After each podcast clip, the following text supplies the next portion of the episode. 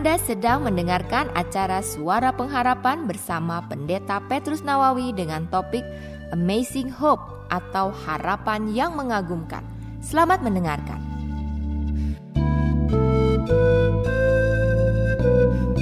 Selamat pagi. Siapa yang tahu hidup kita di dalam Tuhan senantiasa luar biasa. Amin.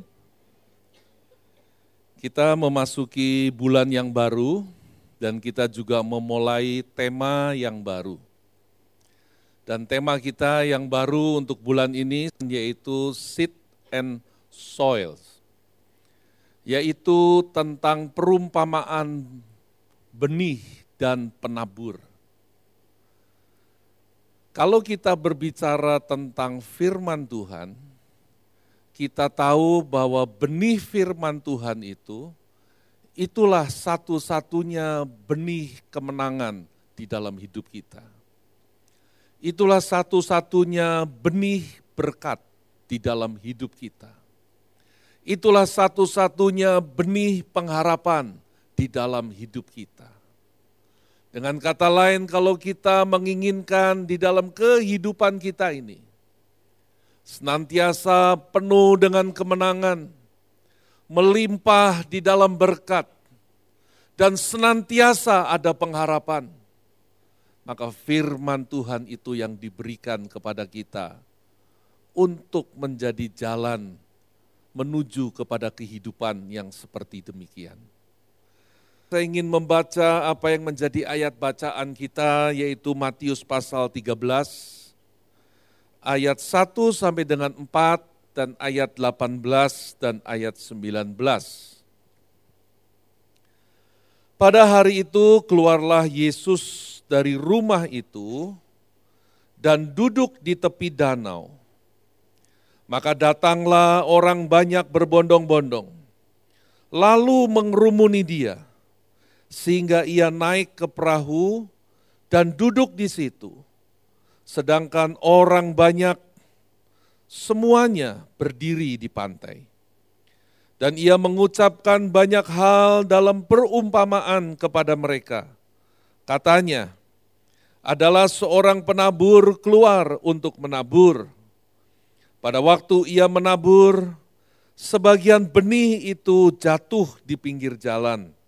Lalu datanglah burung dan memakannya sampai habis. Karena itu, dengarlah arti perumpamaan penabur itu. Kepada setiap orang yang mendengar firman tentang kerajaan sorga, tetapi tidak mengertinya, datanglah si jahat dan merampas yang ditaburkan dalam hati orang itu. Itulah benih yang ditaburkan di pinggir jalan. Pada waktu Tuhan Yesus menyampaikan khotbahnya tersebut tadi, seperti biasanya kalau ia menyampaikan pengajaran-pengajarannya, maka ada banyak orang yang berkerumun. Banyak orang yang datang dari berbagai tempat untuk apa? Untuk mendengarkan firman-Nya. Sehingga dikatakan di situ Tuhan Yesus pada saat itu harus pindah ke perahu yang ada. Kenapa? Karena semakin banyak orang berkerumun. Sehingga dari perahu dia bisa berkhotbah kepada orang banyak yang berkerumun di tepi pantai. Saudara, setiap kali Tuhan Yesus menyampaikan pengajarannya, orang berbondong-bondong untuk mendengarkan. Entah apa yang menjadi motivasi dari setiap orang yang datang. Mungkin saja mereka memerlukan pengajaran, mungkin saja mereka memerlukan mujizat, mungkin saja mereka memerlukan berkat, entah apa yang menjadi motivasi. Tetapi yang pasti firman Tuhan yang disampaikan, kalau itu diterima di dalam kehidupan seseorang, maka firman Tuhan itu akan membentuk orang tersebut menjadi satu pribadi yang baru. akan membentuk kehidupan orang tersebut menjadi satu kehidupan yang luar biasa. Bagaimana menerima firman Tuhan itu di dalam hidup kita? Yang dimaksudkan menerima firman Tuhan, sehingga firman Tuhan itu bertumbuh, membentuk kehidupan kita. Itu adalah kalau kita mendengar firman Tuhan, menerimanya dan mentaatinya di dalam hidup kita. Dan kalau orang hidup di dalam ketaatan kepada firman Tuhan, maka pasti hidupnya luar biasa. Mengapa hidupnya luar biasa? Karena kalau orang hidup di dalam ketaatan kepada firman-Nya, maka itu akan membawa kehidupannya di dalam kehidupan yang akrab dengan Tuhan. Dengan kata lain akan membawa hidupnya hidup di dalam hubungan yang karib dengan Tuhan. Bukan sekedar mengerti saja tentang Tuhan, tapi bergaul, mengenal. Pada waktu sebelum Tuhan Yesus menyampaikan khotbah tentang perumpamaan ini. Di pasal sebelumnya di ayat-ayat akhir dikatakan orang-orang banyak mengatakan, Tuhan ini saudaramu. Lalu Tuhan Yesus di situ berkata, siapakah saudaraku? Siapakah ibuku?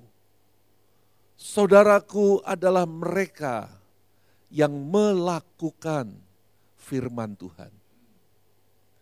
Orang yang hidup melakukan firman Tuhan, orang yang hidup di dalam ketaatan kepada firman Tuhan, maka ia akan hidup di dalam hubungan yang dekat dengan Tuhan. Ia hidup di dalam kedekatan dengan Tuhan. Karena apa?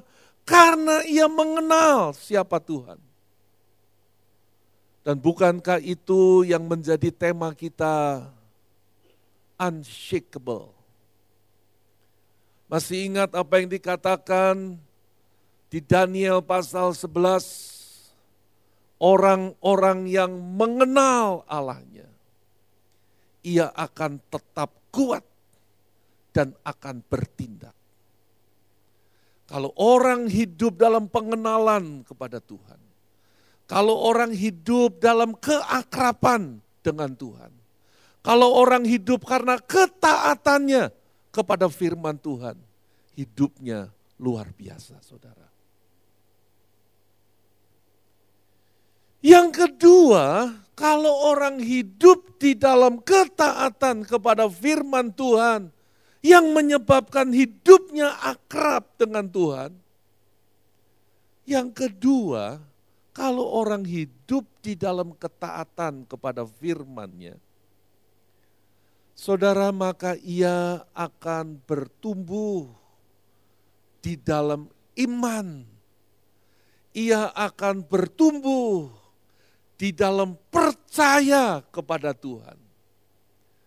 Orang yang semakin mengenal Tuhan karena hidup di dalam ketaatan kepadanya bukan hanya memiliki hubungan yang dekat karena pengenalannya dengan Tuhan, tapi hidupnya kokoh dan kuat. Bukankah itu hidup yang luar biasa? Saudara, masalah, persoalan, kesulitan di dalam hidup ini itu hal yang biasa. Biasa artinya apa? Semua orang yang hidup, siapa pun orangnya. Percaya Tuhan atau tidak percaya Tuhan. Semua, tua atau muda, besar atau kecil, semua punya pergumulannya masing-masing. Semua punya masalah dan persoalannya masing-masing. Ada yang besar, ada yang sederhana, ada yang pelik, ada yang mengerikan, semua punya. Tapi orang yang hidup dalam ketaatan kepada Tuhan, hidupnya berbeda. Berbeda bukan hanya karena sama-sama mengalami masalah dan kesulitan, tapi karena mampu menang atas setiap kesulitan dan masalah. Yang menjadi persoalan itu bukan kesulitan persoalannya, bukan. Yang menjadi masalah sesungguhnya nggak pernah menang di dalam menghadapi kesulitan dan persoalan. Itu persoalan yang sesungguhnya. Tapi orang yang bertumbuh di dalam pengenalannya kepada Tuhan. Karena firmannya yang ditaati akan kokoh di dalam iman akan mampu dan terampil menghadapi berbagai macam kesulitan dan masalah dalam hidup ini. Nah pertanyaannya, orang-orang yang mendengar firman Tuhan yang demikian banyak, apakah semua yang mendengar itu, apakah semua yang mendengar apa yang disampaikan oleh Tuhan Yesus di dalam khotbahnya tentang perumpamaan, apakah mereka punya penerimaan yang sama atau tidak? Apakah mereka menerima dan kemudian hidup mereka berubah dan bertumbuh semua sama atau tidak? Kalau kita membaca apa yang dituliskan di dalam ayat yang tadi saya bacakan, perumpamaan tentang penabur, maka kita tahu di sini tersirat dari apa yang disampaikan oleh Tuhan Yesus. Bahwa ternyata tidak semua itu punya penerimaan yang sama. Sehingga akibatnya tidak semua itu mengalami berkat yang sama. Apa yang membedakan? Dikatakan di Matius pasal yang ke-13 tadi ayat 3 dan 4. Dan ia mengucapkan banyak hal dalam perumpamaan kepada mereka katanya. Adalah seorang penabur keluar untuk menabur. Pada waktu ia menabur, sebagian benih itu jatuh di pinggir jalan.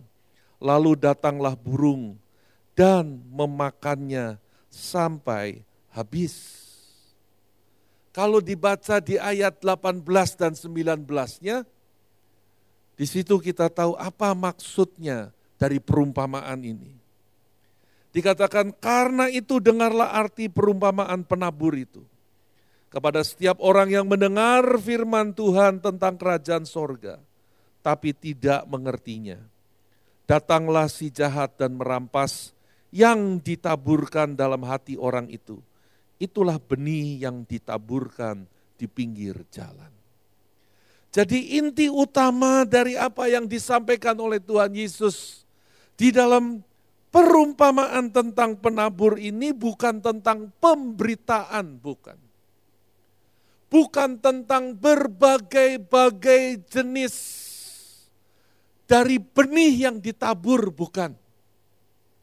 Tetapi kalau kita membaca ini dengan jelas sekali, kita tahu bahwa yang dimaksud inti utamanya adalah tentang penerimaan.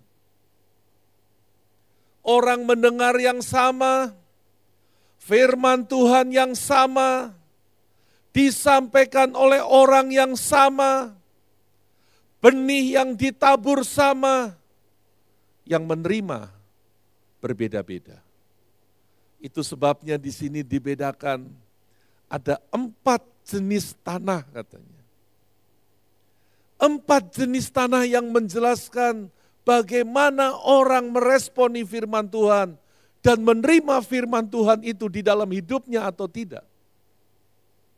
Dan jenis yang pertama itulah yang ingin kita renungkan sekarang. Dikatakan yang pertama itu adalah yang jatuh di pinggir jalan. Lalu datanglah burung dan memakannya sampai habis.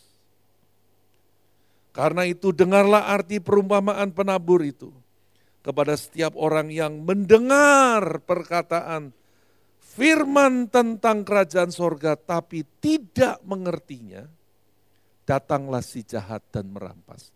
Dengar tapi tidak mengerti.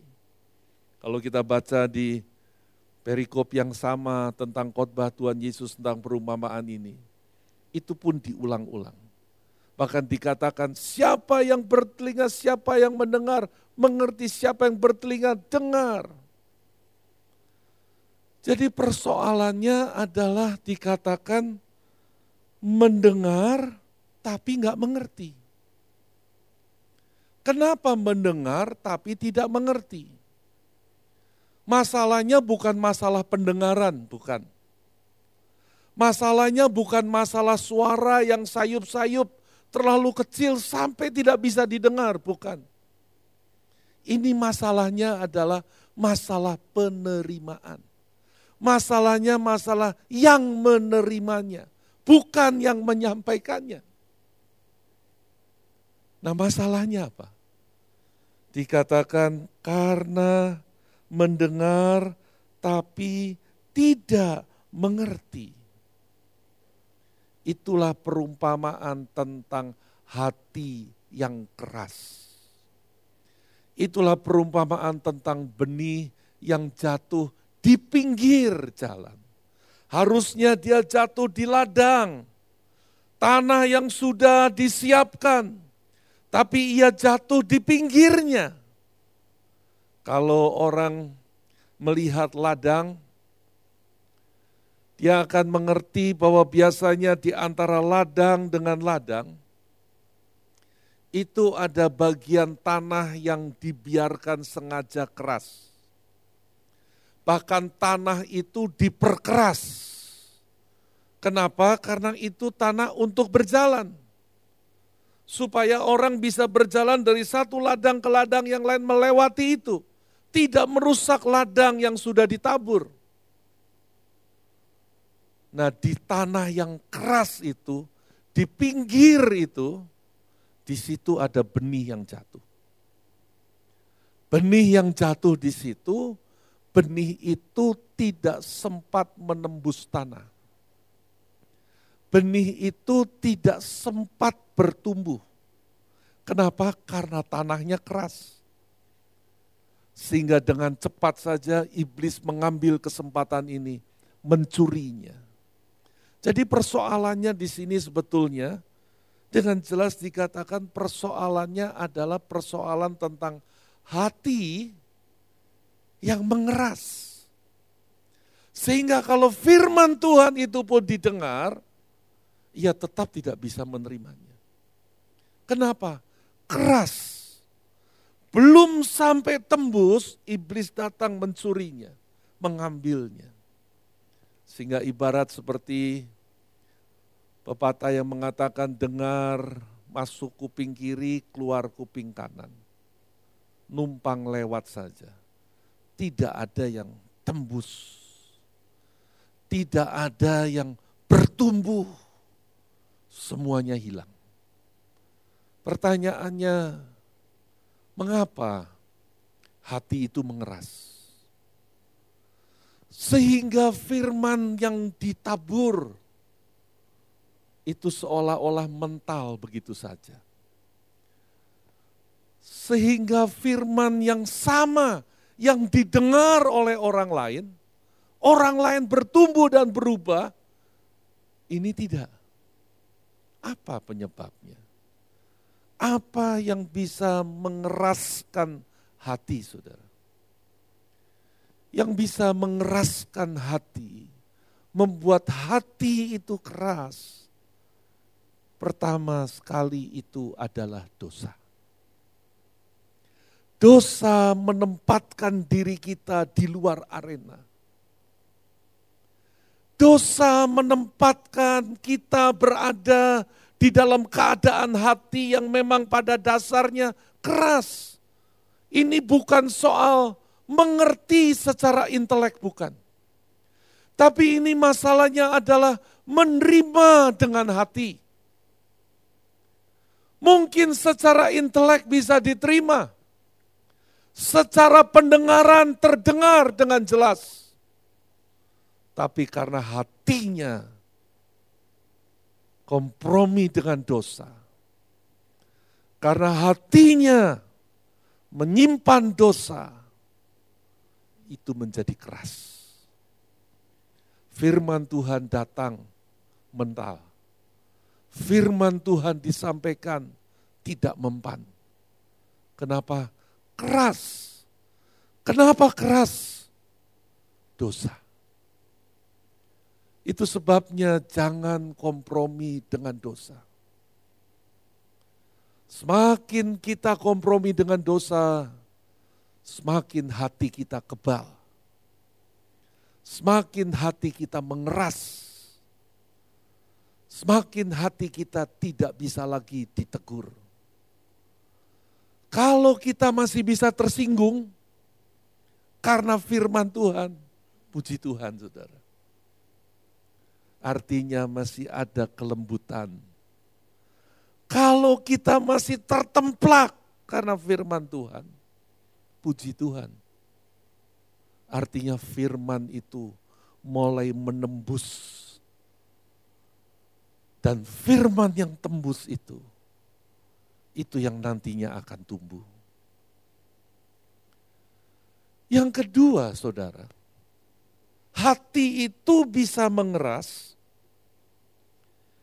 karena adanya dosa dan kekerasan hati karena dosa itu, itu akan selalu mengarah kita, membawa kita kepada keangkuhan, kepada kesombongan.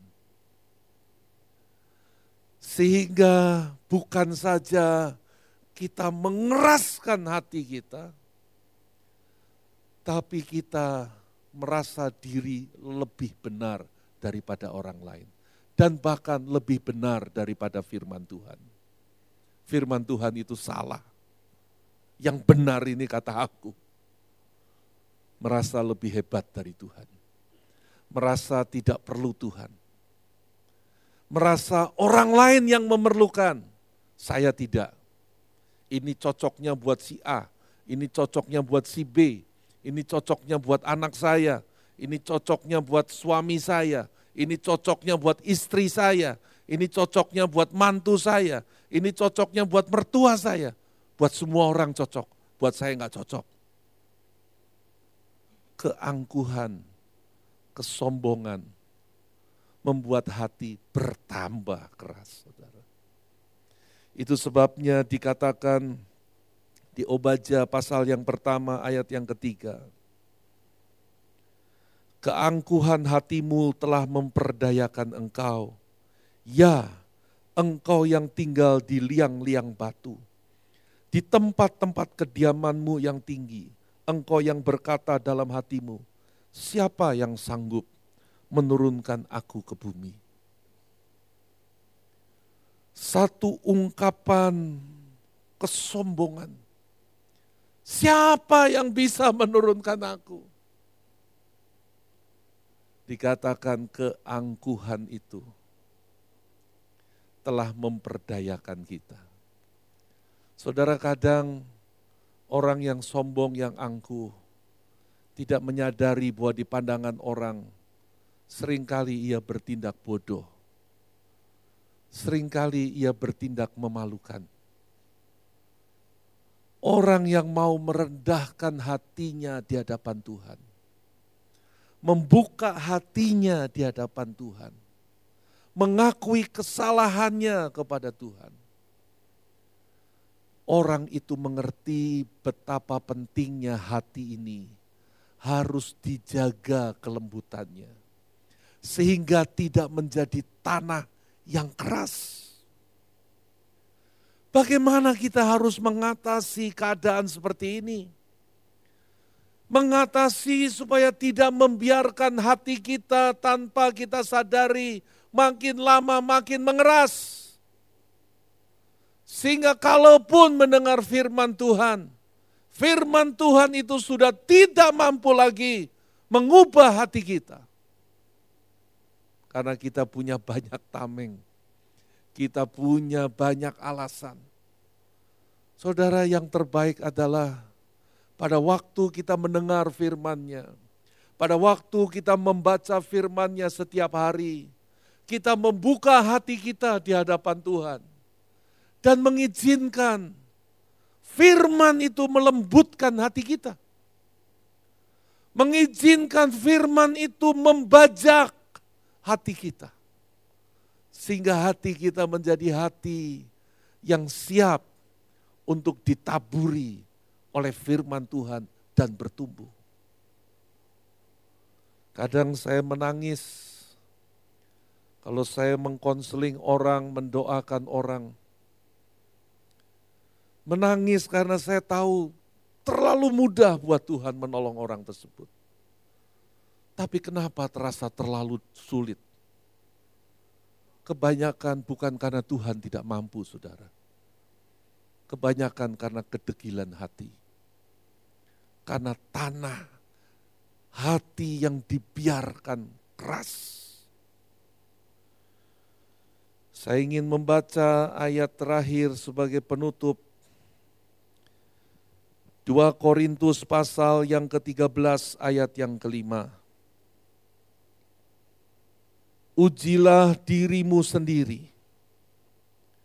Apakah kamu tetap tegak di dalam iman? Selidikilah dirimu. Apakah kamu tidak yakin akan dirimu bahwa Kristus Yesus ada di dalam diri kamu? Sebab jika tidak demikian, kamu tidak tahan uji. Yang harus kita lakukan adalah terus menerus menguji diri kita. Terus menerus menyelidiki hati kita.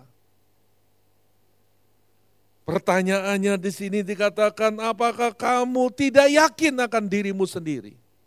Bahwa Kristus Yesus ada di dalam kamu. Kalau kamu tidak yakin dikatakan kamu tidak tahan uji. Berapa banyak orang dalam hidupnya lemah karena tidak meyakini bahwa Tuhan ada di dalam dirinya.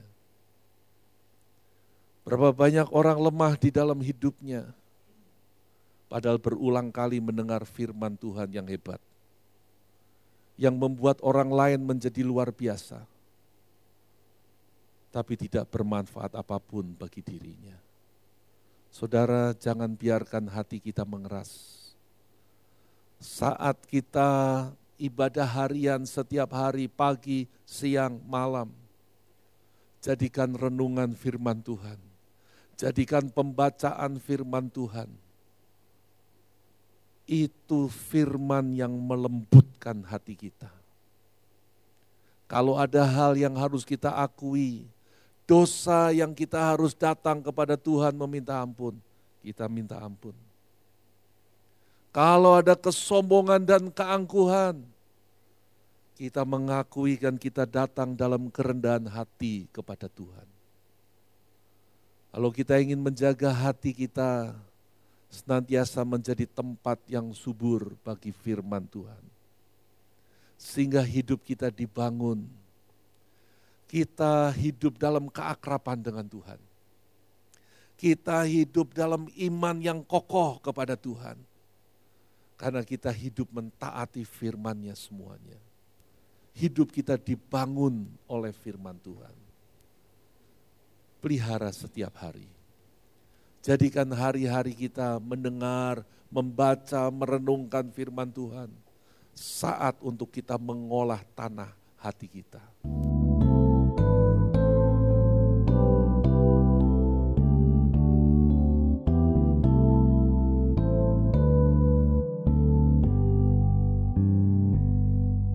Anda telah mendengarkan dari topik Amazing Hope atau harapan yang mengagumkan. Pekan yang akan datang, Pendeta Petrus Nawawi akan melanjutkan topik tersebut pada hari, jam, dan gelombang radio yang sama. Pastikan Anda mengikutinya. Sampai jumpa pada pekan yang akan datang. Tuhan memberkati.